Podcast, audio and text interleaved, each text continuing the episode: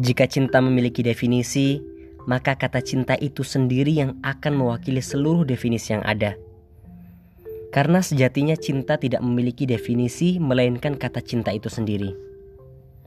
Banyak yang berasumsi bahwa cinta adalah soal memiliki. Nyatanya, tidak semua yang kita cintai benar-benar dapat kita miliki seutuhnya. Banyak yang bilang bahwa cinta hanya sebatas perasaan suka sama suka. Faktanya, banyak hubungan yang didasari suka sama suka kandas di tengah perjalanan. Bahkan tak sedikit yang hancur berkeping-keping. Lantas, apakah kita memang tidak boleh mencintai? Atau cinta itu hanya omong kosong? Jawabannya adalah tidak. Kita bisa mencintai siapa pun dan cinta bukan omong kosong belaka. Pada dasarnya, cinta adalah soal menerima, bukan memiliki.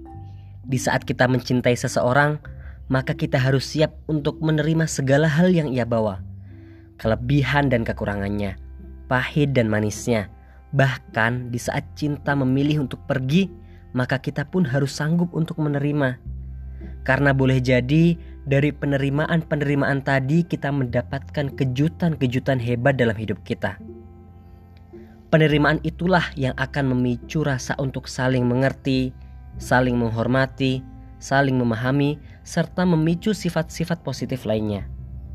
Kawan, cinta bukan hanya sekedar kata-kata, cinta memerlukan perbuatan.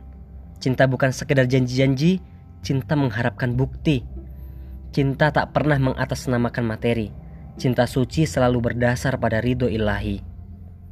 Cinta adalah satu jenis perasaan yang jika pernah terpisah oleh masa, maka ia akan tersambung kembali oleh cita-cita. Jika kita ingin mencintai, belajarlah bagaimana sebuah penerimaan yang baik.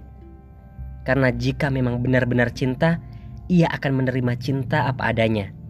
Karena cinta memang sesederhana menerima. Ya, sesederhana itu.